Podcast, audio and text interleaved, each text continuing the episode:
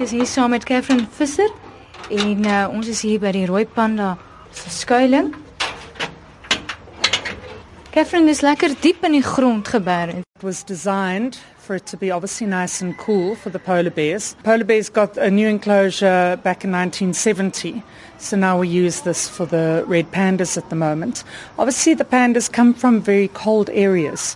They come from the temperate forests up in the Himalayas, mm-hmm. so they're actually quite nicely adapted to being in a nice, cool environment. Wil vir my lyk asof hulle ook baie nuuskierige diere is, want uh, daai enetjie het nou nader geskuif soos wat ons gesels. Because they yeah, I think they just you know they're very shy and very soft animals. As ek nou sy voorkoms moet beskryf dan het hy die wit oortjies, uh, wit bekkie, vreeslike lang stert. Yeah, and and the color of them which is this you know bright beautiful red color.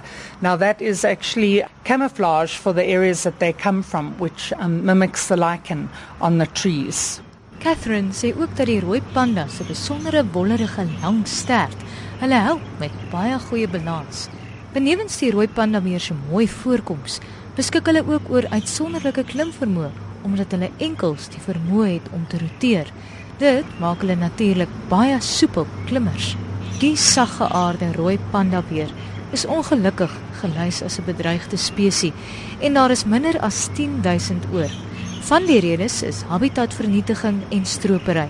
Catherine, vertel meer. They classified as a CITES 1.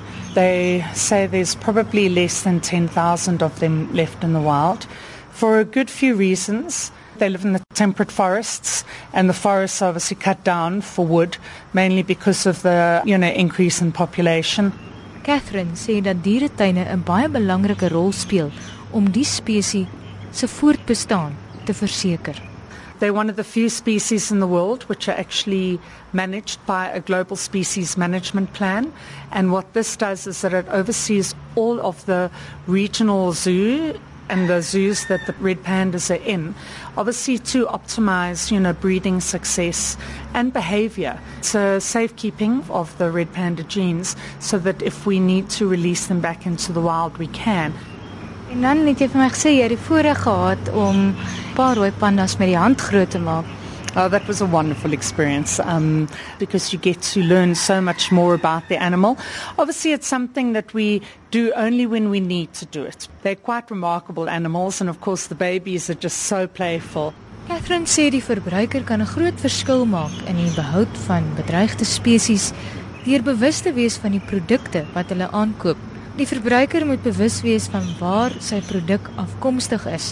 Deur jou beursie gesluit te hou vir produkte wat op 'n oneerlike en onvolhoubare manier geproduseer is, kan jy 'n verskil maak. So, as consumers, we need to actually know where we're getting our products from, what is being used, and the cost of actually getting them.